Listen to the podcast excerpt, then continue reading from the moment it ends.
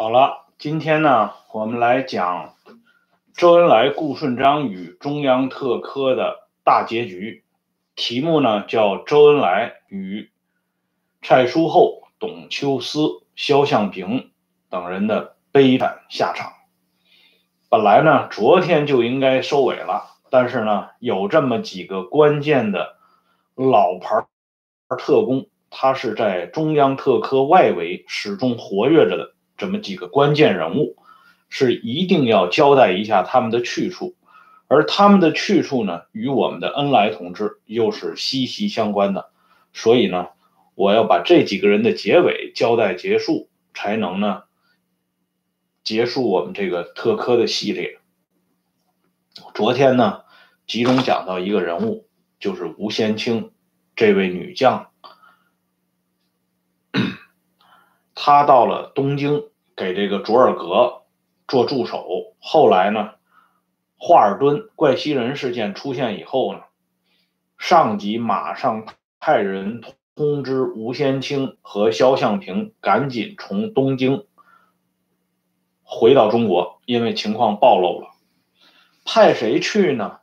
派谁去通知吴先清和肖向平呢？就是这个。今天我们要讲到的第一个人物，蔡书厚。蔡书厚曾经担任过上海市啊，一九四九年以后上海市第一机电局副局长，还担任过市政公用局副局长。总之呢，都是副局长。这个人他是东京工业大学研究生毕业。要知道，在上个世纪二十年代，能到日本留学，并且呢，读到东京工业大学研究生这个程度的人，一那是不简单的。可是呢，这个人在读书之前呢，他已经非常踊跃的参加到了这种左倾的运动当中，就是说，这个人思想是比较左的。所以他回到上海以后呢。他开办了一家公司，叫邵敦电机公司。蔡书厚字邵敦，所以他用他的名字呢开了这么一家机电机公司。他那个时候呢，因为是从日本毕业以后学成归国，一腔报国热忱。只是呢，他这个时候思想虽然左倾。但是他的想法呢，还仅仅停留在实业报国这个阶段，所以他要搞这么一个电机公司。这个电机公司呢，当时经营情况也相当好，收入呢也很丰厚。可是就在这个时候呢，他与中共党人开始发生了关联。那个时候呢，正是风起云涌的大革命时代，左倾思想呢大行大行其道，因此呢，这个蔡书厚。同中共党人之间的关系呢，就从这个时候开始建立起来了。特别是在四一二清党以后，蔡书厚的这个邵敦公司呢，成了掩护一大批在白色恐怖下苟延残喘的中共党人的一个重要基地。而且在这个邵敦公司后来呢，他居然成为中央特科电讯科的幕后。联络站，啊，像电讯科的科长李强他们，同蔡书厚之间的关系就非常好。而且最重要的一点是，蔡书厚这个人呢，他曾经为中央特科乃至后边卓尔格他们搞的共产。国际啊，苏军情报部门在上海设立的远东情报局谍报组，做过一件非常重要的大事。什么大事呢？因为那个时候呢，蒋介石国民政府他们编制了一个重要的手册，叫《兵工月刊》。这个《兵工月刊》呢？从这个名字上看，似乎呢是跟这个造枪造炮的兵工行业有关系，但实际上这个《兵工月刊》里边刊载的是当时国民政府和国民革命军的重要编制情况，就不知道这蒋介石是哪根脑筋动了，居然把这么重要的情况呢刊载在这个《兵工月刊》上。当然呢，他们在刊载的时候恐怕也是动了一番脑筋的，因为这个《兵工月刊》的名字呢很容易掩人耳目。可是呢，这个《兵工月刊》被蔡叔厚给发现了。这蔡叔厚呢，连夜带着这徕卡相机，德国的徕卡相机，在当时那应该就是。最好的通信产品了，相当于咱们今天的华为五 G 甚至六 G，啊，就带着这个东西呢，赶到了他的内线给他指定的地点，拿到这份兵工月刊，整个进行拍照、拍摄，然后这个胶卷呢，他转过身来交给了苏联人，就是交给了卓尔格他们。卓尔格他们连夜啊，又把这个胶卷啊送到了莫斯科指定的情报交换处，然后呢，这国民政府和军队方面的情况就这样被苏联人掌握的一清二楚，而这份非常重要的情报，日后又被卓尔格他们带到了东京。成为呢，卓尔格获取日本高级政客们信赖的一个敲门砖，啊，就是拿中国政府的顶尖级情报作为他们隐身到东京进行秘密活动的拉姆扎小组的一个见面礼。这就是这远东情报局在上海干的一些重要的事情。而这个蔡叔厚呢，在这里呢，就是起这么一个作用。蔡叔厚是怎么进入到远东情报局的呢？就是由他的一个好朋友叫肖向平介绍进来的。现在呢，我们先不讲这个肖向平，先讲这个蔡叔厚。蔡叔厚呢，进入到远东情报局之前呢，要做一项重要的切割工作。就是说，他本人要把他在中央特科的所有的关系呢，都要切割掉。就是说，你之之后与中央特科，甚至与中国共产党，不再发生任何横的关系，你只归属于卓尔格小组来领导。等到这个怪西人案一发生呢，这蔡叔厚。就成了没娘的孩子了，因为这个怪西人案发生以后，苏联的红军情报部门开始高度怀疑中国方面，因此呢，他把他想要审查的人，像我们昨天讲到的吴先清这些人，弄到苏联去进行严格的审查，然后一些外围人呢，他呢就甩掉关系，不再。联系了，本来呢，这个蔡叔厚，苏联人也是要把他弄到莫斯科去的，但是这个时候呢，恰恰是出现了一点特殊的情况，蔡叔厚已经拿到了护照，要去苏联了。这个时候突然有一项重要的任务落到了他的身上，他呢就把这个机会呢留给了另外一个同志。他自己呢又留到了上海，就这么一个阴差阳错呢，让蔡叔厚等于说又多活了三十多年。否则他这一去上海的话，那就像那首诗似的写的似的，一去紫台连朔漠，就没了。但是呢，这个蔡叔厚留到上海以后，他的这个关系组织关系没有了，因此他一直在寻找。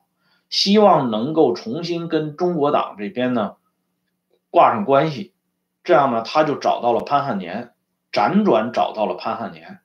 可是特别有意思的是呢，潘汉年对蔡叔厚想要重新回到队伍当中的这个要求不置可否，只是呢给蔡叔厚布置了几项重要任务，希望呢你帮助党组织完成这几项重要的任务。这个蔡叔厚呢，当然，是玩命的去工作，把党交给的任务呢当成自己的生命一样，相当重视。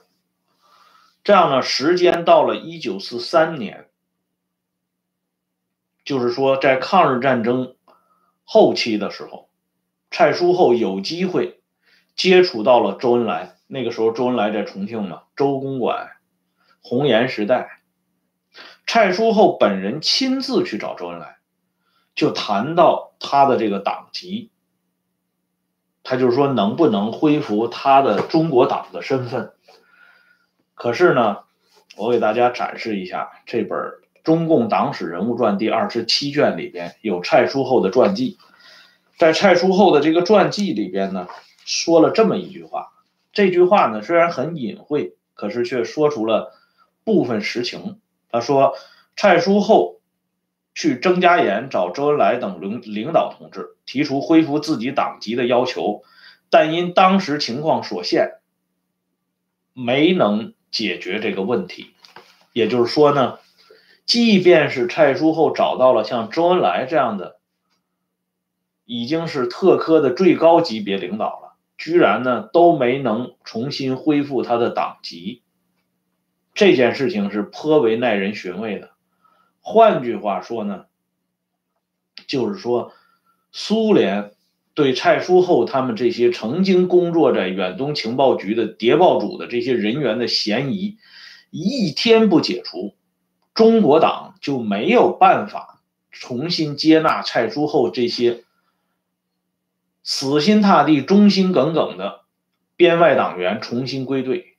蔡叔厚是在一九二七年下半年入的党啊。我们知道，那一九二七年上半年清党，他在共产党做鸟兽散的时候，带领全家加入中国共产党，这是一个什么样的决心和毅力呀？但是呢，到了一九四三年，他给共产党做了这么多工作的时候，这。党组织呢，居然没有批准他回归队的要求，而且这里要特殊提一下，就是说，蔡叔厚在失掉与共产国际、苏联红军情报部门的联系，失掉他与中央特科的联系，在他完全找不到任何组织链接的时候，在他就是说最孤立无援的时候，谁救了？蔡叔厚呢？一说这个人，大家都能知道，汤恩伯。汤恩伯跟蔡叔厚关系非常好，两个人曾经是老朋友。蔡叔厚那个时候被国民政府已经给盯上了，这个人有重大嫌疑，他跟怪西人案有一定的牵连，所以那个时候中统在找蔡叔厚，军统也在找蔡叔厚。所以这个蔡叔厚那个时候是惶惶不可终日，在这种情况下呢，他找到了汤恩伯，他把自己的事情呢向汤恩伯进行了坦白。他当然不是说坦白他的这个背景啊，他只是说他现在让人给盯上了，但实际上呢，他啥也没干，自然是撒谎了。但是汤恩伯呢，居然就相信了这个老朋友蔡叔厚的一番话。所以汤恩伯转过头来，找到了王新恒。我们都知道这位王新恒，他后来呢成为蒋经国的亲信，而且王新恒跟张学良的关系啊也都很亲密。王新恒是军统当时的重要骨干，所以汤恩伯呢就找王新恒说：“说你们啊不要再盯着蔡叔厚了，这老蔡呢是我结拜兄弟。”这是汤恩伯说的原话啊，跟王新恒打了招呼，这是我结拜兄弟，你们放过他，否则的话呢，咱们以后就不要见面了。我们都知道，戴笠有两个最好的朋友在国民党党内，一个是胡宗南，一个就是汤恩伯。所以后来呢，沈醉和文强都回忆过，戴笠同汤恩伯、胡宗南曾经结拜为兄弟。还而且还做了一首诗，呃，做了一首诗，交给这个毛子水老先生啊查看，看这个诗呢，呃，写的怎么样？所以这汤恩伯跟军统的王新恒打招呼，那就相当于半个戴笠在下命令。这王新恒当然就听了，于是呢，蔡叔厚就脱险了。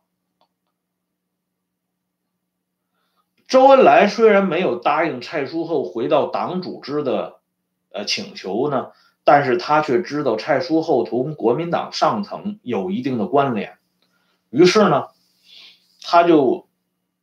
像把这胡萝卜放在驴的眼前一样，吊着蔡叔厚，他就给蔡叔厚继续交代任务，说你要啊，打扮的漂漂亮亮的，装扮的非常阔绰的样子，继续同国民党上层进行交往。于是呢，这蔡叔厚就成了我们那个电影呢与魔鬼打交道的人里边那个张公甫。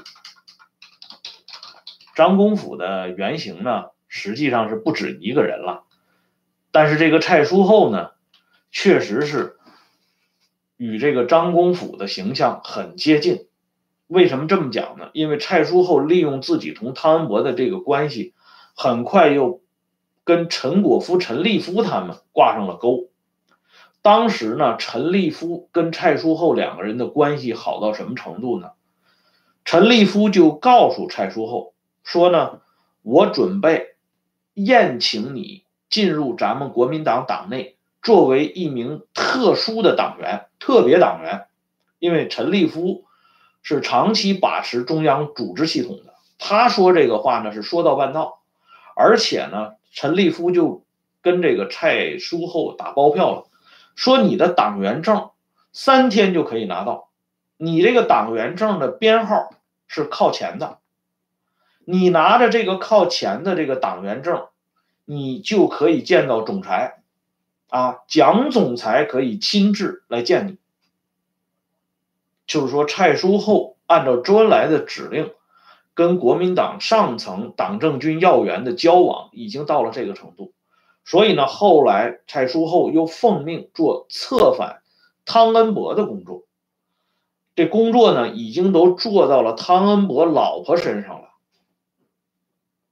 但就是这样，汤恩伯夫妇居然也没有难为这位蔡叔厚，因为他已经看出来了，这蔡叔厚的来头肯定是跟共产党有关联的。但是呢，汤恩伯仍然没有出卖朋友，没有把这个蔡叔厚呢给抓起来，反而呢放蔡叔厚一条生路。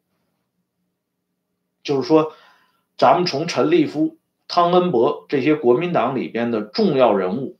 他们对待蔡叔厚的这个情况来看，国民党不亡天下，那真的是天理难容啊！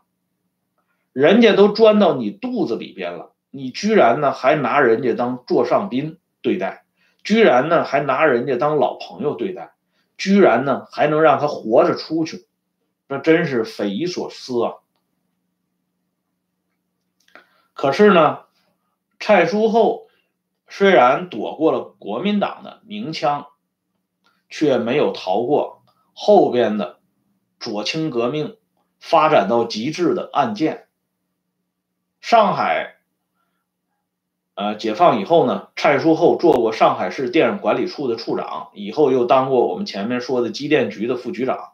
可是呢，就是这个党籍问题，始终把他拦到门外。这拦到门外的结果是什么呢？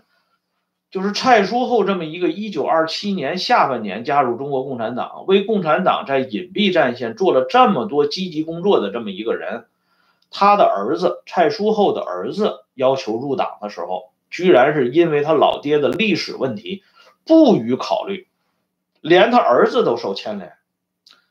而蔡叔厚那个时候脑袋顶的是一顶民主人士的帽子，啊，这蔡叔厚呢就非常苦恼，但是呢他很会排解自己。他认为呢，这是党这组织在考验他，他要经得住这些考验。于是呢，一场新的考验又降临了，那就是在潘阳事件发生以后，潘汉年杨帆事件发生以后，蔡叔厚呢遭到了严厉的审查。当然，这个审查呢，只还是从表面上对蔡叔厚进行询问，没有进一步的对蔡叔厚采取家法处置。可是这种情况呢，只维持了十一年左右。进入到一九六六年之后，党组织决定对这个蔡叔厚呢就不那么客气了。文革一起来嘛，蔡叔厚自然要挨斗。但是因为蔡叔厚呢，他长期没有党票，他属于党外人士，所以呢，他尽管受到冲击，但是比起那些当权派来说，那蔡叔厚是太轻松了，最多就是扫扫马路了啊，靠边站而已，没有遭受皮肉之苦。可是就在这个时候呢，到了一九六七年的时候，蔡叔厚真正的麻烦降临了，上海市。公安局造反派持有北京中央专案审查委员会康老康生啊亲笔签发的命令，把蔡叔厚给抓起来了。抓起来之后，连夜啊，就像当年蔡叔厚连夜带着徕卡相机去拍那个《兵工月刊》那么急急如律令的，把他押解到了北京。这蔡叔厚呢？从上这个绿色的吉普车那那一刹那起呢，这眼睛一直是被蒙着的。然后呢，从火车一直给运到北京，下了车还是蒙着眼睛，到了他该到的地方，什么地方呢？秦城监狱。这是蔡叔厚最后的归宿。而这个康生批准的指令上面有这么一句话。康生呢是这么说的，他说：“中央领导同志认为蔡叔厚这样的人放在外边不合适，应该交给群众来进行监护和审查。”这是康生当时做的重要批示。所以呢，当蔡叔厚一九七零年惨死在秦城监狱里边以后，后来呢？到了上个世纪八十年代拨乱反正的时候，给蔡叔厚平反的时候，大家呢纷纷把仇恨集中到了康生的身上，因为康生的这个批示啊确有其事啊。可是呢，几乎没有人能够愿意去想一下康生所说的那位中央领导同志到底是谁。我们也不愿意想。啊，至于蔡叔厚本人，他就更不知道了。这位中央领导同志到底是谁了？总之，这位啊，奉命与魔鬼打交道的人蔡叔厚，最终的命运是这么个结局。那么，当初介绍蔡叔后进入到这个异常神秘的远东情报局谍报组工作的。肖像平呢？他的结局怎么样呢？这个肖像平，我们昨天的节目就说过，他曾经和陶铸是单线联系，在电影《那小城春秋》里边有他部分的这个影像。这肖像平，厦门大学教授，蔡叔厚，东京工业大学研究生。后边的董秋思，燕京大学高材生，著名翻译家。就是说，当时中央特科网罗了一大批高级知识分子。为什么这么做呢？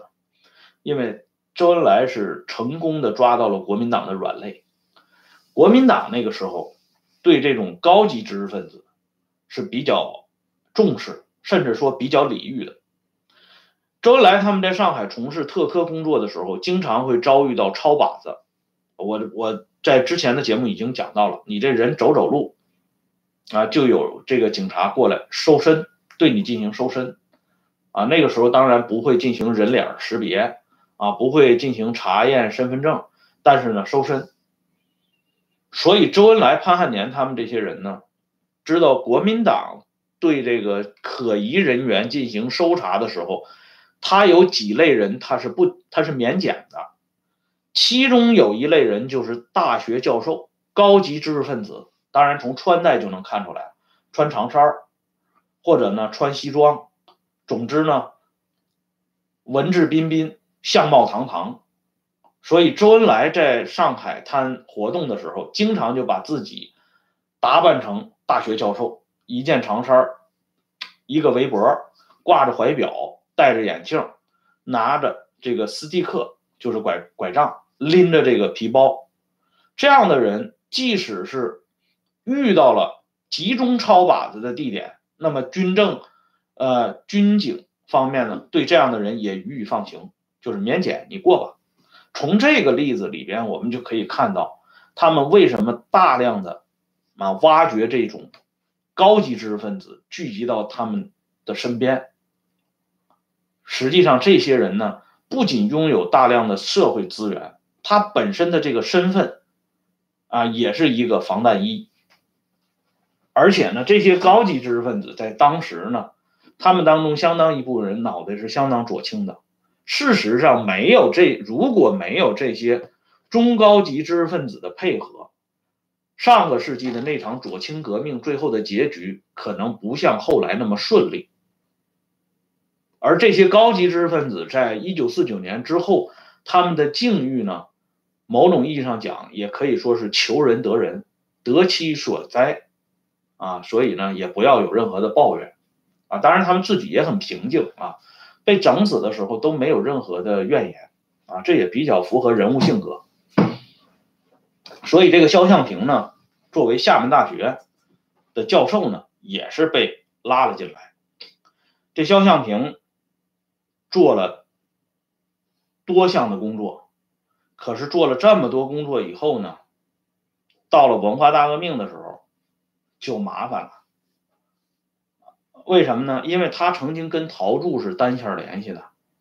这文革一九六七年一月四一月八号，毛泽东专门对对陶铸的问题做了重要的批示和讲话，说陶铸的问题谁也解决不了，红卫兵一来就解决了。总之呢，这陶铸就是政治生命，在一月八号就完结了。当然，他之前实际上已经是被揪斗了。所以那个时候呢，毛泽东的这个金口一开，陶铸就立刻变得臭不可闻。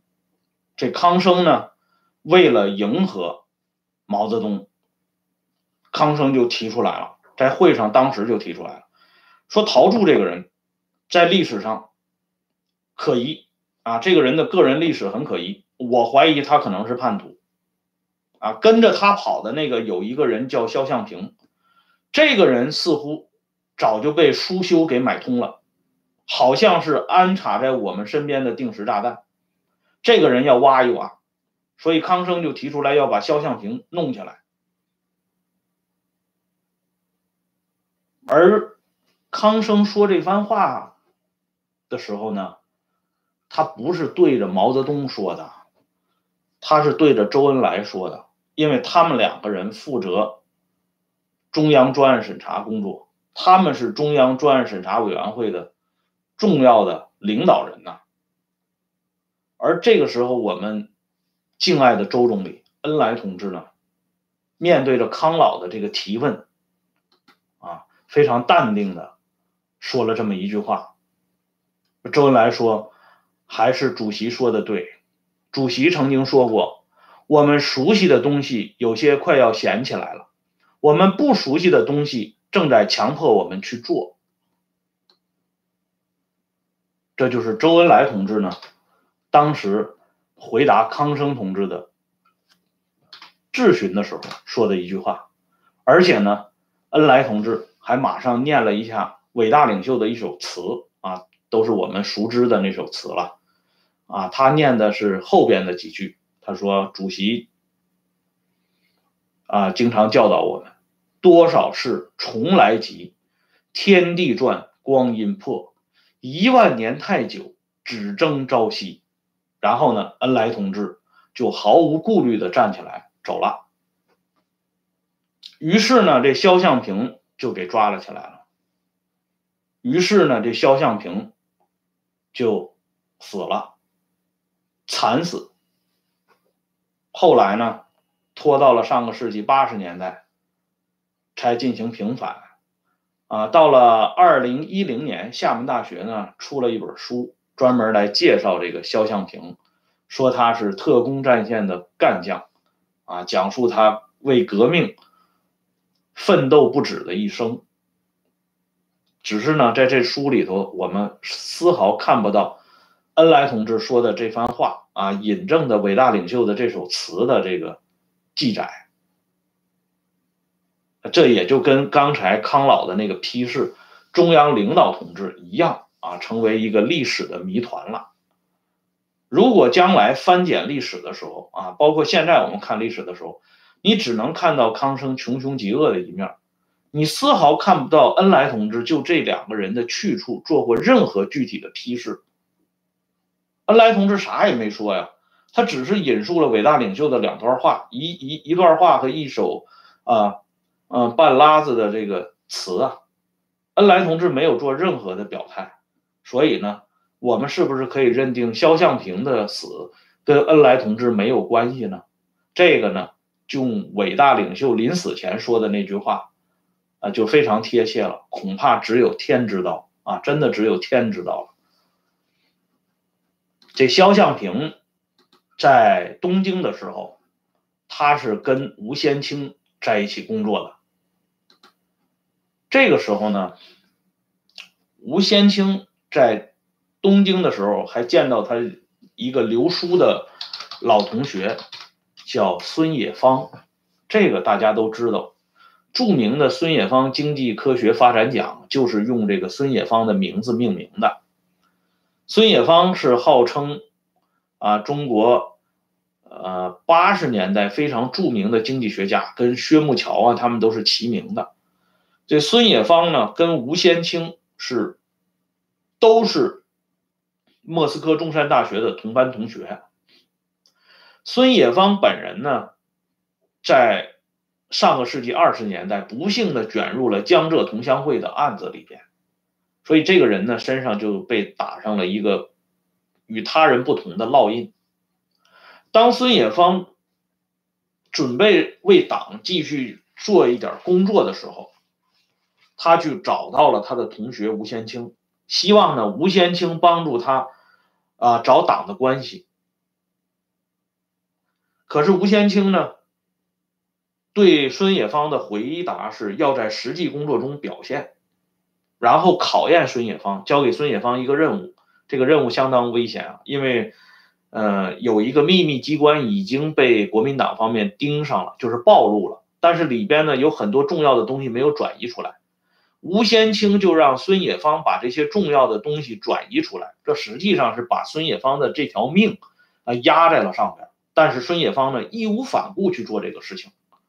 可是即便是这样呢，吴先清最后也没有答应给孙冶方找党的组织关系。为什么呢？因为吴先清替苏联人办事，在吴先清的心目当中。江浙同乡会是一场反革命案件，这个已经经苏联方面和中共中央定性了的，所以这个孙冶方只能被利用，而不能被重用，更不可能啊回到党组织的这个队伍里边。这个跟蔡书厚他们是一样的，包括刚才我讲的肖像平。肖像平已经做到共产国际远东情报局副局长，可是，一旦被苏联方面怀疑上了，他的这个立足点顿时就消失了。中共这边呢，对这样的人是戴着眼镜啊，有色眼镜来观察的。从吴先清的这个例子也能看出来，而吴先清我们都知道，那是周恩来的得力干将，所以从这件小事上，我们也可以看到，事实上，江浙同乡会。以往被说成王明他们一手炮制出来的，当然不为无因，但关键是周恩来他们在江浙同乡会这件事情上的表态，和稍后江浙同乡会对于每一个卷身到这里的当事人的影响，是完全不同于党史教科书上所宣传的那样的。吴先清将孙冶方拒之门外，而后呢，自己也惨遭不测。事实上呢，在这场左倾革命当中呢，大家都是不约而同的卷入到了一个绞肉机里边，几乎很少有人幸免于难，特别是这些外围的人。接下来呢，我们就要讲到一个重要的人物——董秋思。刚才我们说到孙冶方，孙冶方是经著名经济学家陈汉生介绍啊，经陈汉生介绍认识了美国著名的白左斯莫特莱。这个人呢？在中共党史上是占有一定篇章的，可以说此人出现在哪里啊，哪里就是混乱一场，而哪里混乱一场，就必定有此人出场，啊，这个人应该是一个搅屎棍儿级的人物。这个董秋思呢，跟史莫特莱是什么关系呢？董秋思把史史莫特莱介绍给了鲁迅，就是说把鲁迅也给祸害了。后来许广平的被捕。有一定的原因，就是因为鲁迅生前跟这个史莫特莱有过交往，所以遭到了日本宪兵队对霞飞坊六十四号的查查证。在周海婴，就是鲁迅的儿子周海婴，他的回忆当中呢，提到啊，当日本宪兵队到霞飞坊。六十四号进行查询的时候，发生了这么一件非常有意思的事情，就是日本宪兵队呢一进去以后呢，发现这个霞飞坊六十四号还住着一对郑氏夫妇，姓郑的这对老夫妇都是广东人，他们呢曾经是在日本定居了好长时间，属于日本归侨，回到中国上海定居，他们呢拿了一个从日本带回来的。啊，这个东西呢叫胖肚炭盆啊，冬天用来取暖的。这日本宪兵呢，一上来以后呢，一下子就看到了这个东西，然后就用日语说了一句“西巴奇”，啊，这可能是日语的发音啊，管这炭盆叫西巴奇。这个郑氏夫妇两个人呢，马上就反应过来了。两个人就用日语告诉这个日本宪兵，说的：“这是我们从日本东京带回来的，我们曾经在横滨居住过好长时间。”因为这两个人日语非常流利嘛。日本宪兵一看，哇，他乡遇故知啊，所以这宪兵呢非常客气，没有上楼搜查了，就从郑氏夫妇这儿转弯就下楼就走了。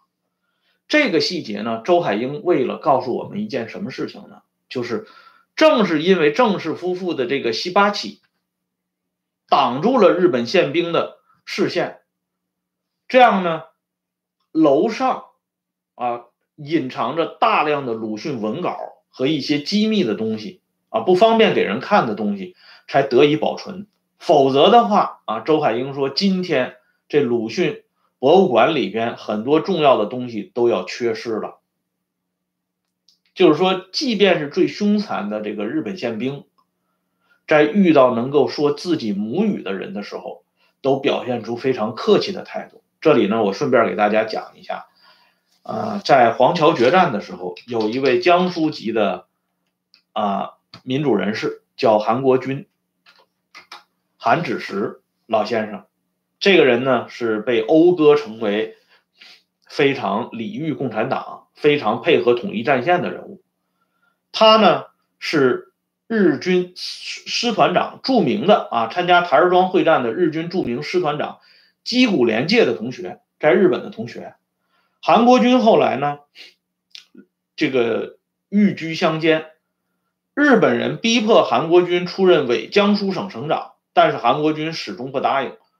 日军宪兵队的队长呢，就说出了一些威胁的话，韩国军就把自己收藏的一把日本军刀拿了出来，交给这个日本宪兵队队长，说：“你拿这把刀把老夫杀了吧。”这日本宪兵队队长拿到这把军刀，定睛一看，发生了什么呢？因为这个军刀上边刻着日本天皇裕仁的名字。这是韩国军当年在日本留学，因成绩优异获得天皇赠刀，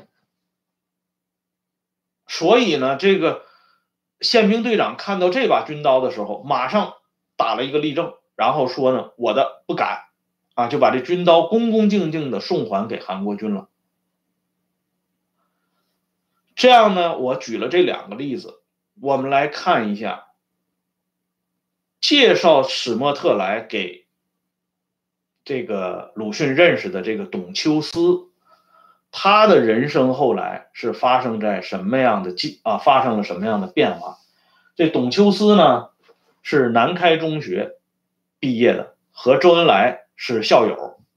他呢，这人非常拙，他和张文秋的丈夫刘谦初。都是燕京大学的同学，他们在燕大的时候呢，就已经开始折腾了，啊，那个时候呢，跟董秋诗、刘谦初他们在一起混的还有一个人叫于毅夫，此人呢后来担任过中共吉林省委书记，就是后来北方情报部门特科在北方设置的眼线里头，把于毅夫给找上了，于毅夫做到什么位置呢？做到张学良的亲弟弟张学明的秘书。张学明当时的职务是什么呢？是天津市公安局局长。可见这个特科的渗透啊到了什么程度？而张学良的这个弟弟张学明，他的有一个非常有名的外号啊，这个人呢，老的这个奉天。的史料里边都记载过，张学明的外号叫二迷糊。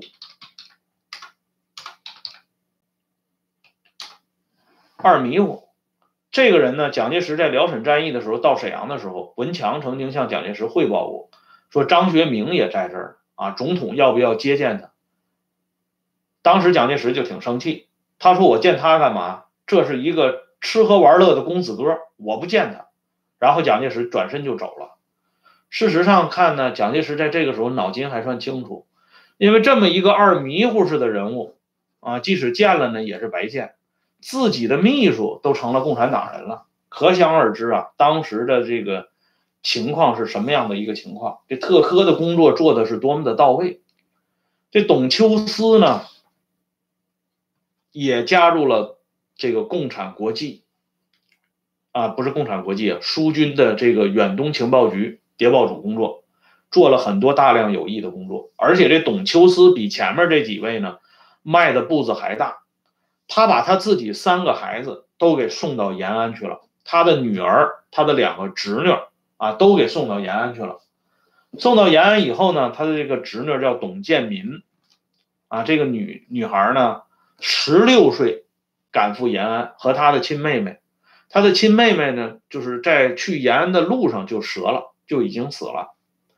这董建民到延安以后，做到了中央社会部，在康生手下，在中央社会部做做机要员。一九四六年，为了送一份重要的文件，和她的丈夫还有她的啊两三岁的孩子啊坐船，途经渤海的时候淹死了。按说呢，这是因公殉职啊。应该是有待遇的，可是不知道为什么，当时呢，党组织对这个董建民的去世呢，啊，或者说是牺牲呢，啊，没啥反应。一家三口都壮烈牺牲了，上级组织对这件事没啥反应，一直到了一九八一年，啊，四六年死的，三十五年之后，一九八一年，党组织突然就醒悟过来了。说这个董建民当年一家都死了，这得有个说法。于是呢，三十五年之后，一九八一年追赠董建民为烈士。就是说，这个刚才咱说张学明是二迷糊，但实际上呢，我感觉啊，有些人哈，其实这个比二迷糊还要迷糊。你这一九四六年到一九八一年，三十五年过去了，一家三口人才想起来追赠为烈士，这个东西。好像都不能用二迷糊来解释，啊，这个，但是呢，董秋思人家是无怨无悔，啊，八根啊八根肋骨为了党啊奋斗的八根肋骨都给摘除了，得了肺病了嘛，大口吐血，德国医生给他医治，八根肋骨摘除，继续玩命的为党工作。玩命到什么程度呢？玩命到最后终于遇上了恩来同志。怎么遇上恩来同志了呢？他之前跟恩来同志是校友，但是呢，恩来同志跟他没有太多的交集。他是在恩来同志下级的下级啊工作。可是呢，我再给大家演示一下这个鲁迅与我七十年。这个鲁迅与我七十年里边呢，记载了这么一件事情：一九六八年三月三号啊，徐广平因心脏病突发去世，周恩来。马不停蹄的赶到了这个徐广平去世的地点，啊，是晚上十点半。周恩来亲自赶到北京医院悼念徐广平。一进来以后呢，首先就表态了：“我来晚了。”啊，这是恩来同志惯用的一个出场白，就是一到哪儿就首先说“我来晚了”。嗯，然后呢，就问这个徐广平经常吃什么药啊？这个周海婴就告诉周恩来说。啊，老太太生前吃什么药？周恩来马上就反应说：“这这个药我也吃。”然后从兜里就把这药掏出来了，说：“你看看是不是这种药？”啊，然后又关切的问：“啊，经常吃几片呢？”啊，说几片几片。最后呢，恩来同志终于发脾气了，啊，对这个掌握医院领导权的人就说：“啊，你们那个时候为什么不值班呢？找不到人啊？”这医院的负责人说：“啊，因为没有明确规定。”这个时候呢，恩来同志非常气愤，说：“今后必须值班。”啊！我要你们的电话号码，抽空就打，看你们有没有人在。啊，这个因为就是拖延抢救，导致徐广平一命呜呼。当年日本宪兵队都没有要了徐广平的命，因为证据不足。可是呢，到了晚年，徐广平为了追寻鲁迅的手稿，居然被人给绕里头了，活活的气死了。就是这么一个情况。死了。徐广平死亡这个事儿呢，今天为什么要提出来呢？因为这件事跟董秋思最后的命运息息相关的。在现场的时候呢，不知道为什么啊，周海婴的这本回忆录里边，他那么详细的记载了他妈妈去世之后，周恩来到了医院告别的这个谈话和场景，不知道为什么没有。说上这个董秋思这件事情，所幸的呢是，在这个革命史资料里边，啊，董秋思的遗孀灵山老太太呢留下了一个重要的口述资料，这也是周海婴向灵山转述的一个事情，就是 周恩来问周海婴。说你妈妈最后一次去看谁？周恩来突然就问周海婴这么一个问题，然后呢，周海婴就说：“嗯，去看董秋思。”周恩来马上就反应过来了。周恩来说：“董秋思这个人我知道，啊，这个人我知道。他原名叫董董少明，做翻译工作，在上海时期呢，还有一个张彩珍做宣传工作。”我们一起做过地下工作的。回忆到这里的时候啊，董秋思的这个未亡人灵山呢，发出感慨，说：“总理在日理万机的百忙之中，对数十年前的老战友，仍然有如此准确的记忆，实在是旷世奇才呀！”啊，就是说感慨恩来同志是旷世奇才啊，确实是旷世奇才，这个谁都不能不承认。但是呢，接下来这旷世奇才呢，对董秋。董秋思的命运呢，啊，有了一定的特殊的安排。这董秋思呢，当时在中国科学院哲学社会科学部外国文学研究所工作，在北京。他本来呢是清算现行反革命的时候给揪了出来。周恩来在一九六八年三月三号参加了徐广平的追悼会之后，不到一年。也就是一九六八年年底，一九六九年年初，董秋思的问题从现行反革命一下升级为历史反革命，把董秋思的历史问题挖掘了出来。更主要的是，发生了一件非常让董秋思老伴儿灵山到了晚年还感到诧异的事情，就是给董秋思专门成立了专案组。按说呢，这么一个文人啊，实际上他已经属于半残之人了，八根肋骨都没了。平常就是做一点翻译工作，这么一个人居然搞成了专案组，而这个专案组我们知道，中央专案审查委员会，我这里有本书啊，没法向大家展示了，在我的书书架上，但是呢，我可以告诉大家，原来担任啊，一九五三年担任北航党委书记和院长，后来担任新疆自治区呃人民政府第一副主席的武光。他的晚年呢，曾经写过一本回忆录，就是写到他在文化大革命当中的一些经历。这个武光呢，说当时专案组在审查他的时候，专案组的人员明确的告诉武光，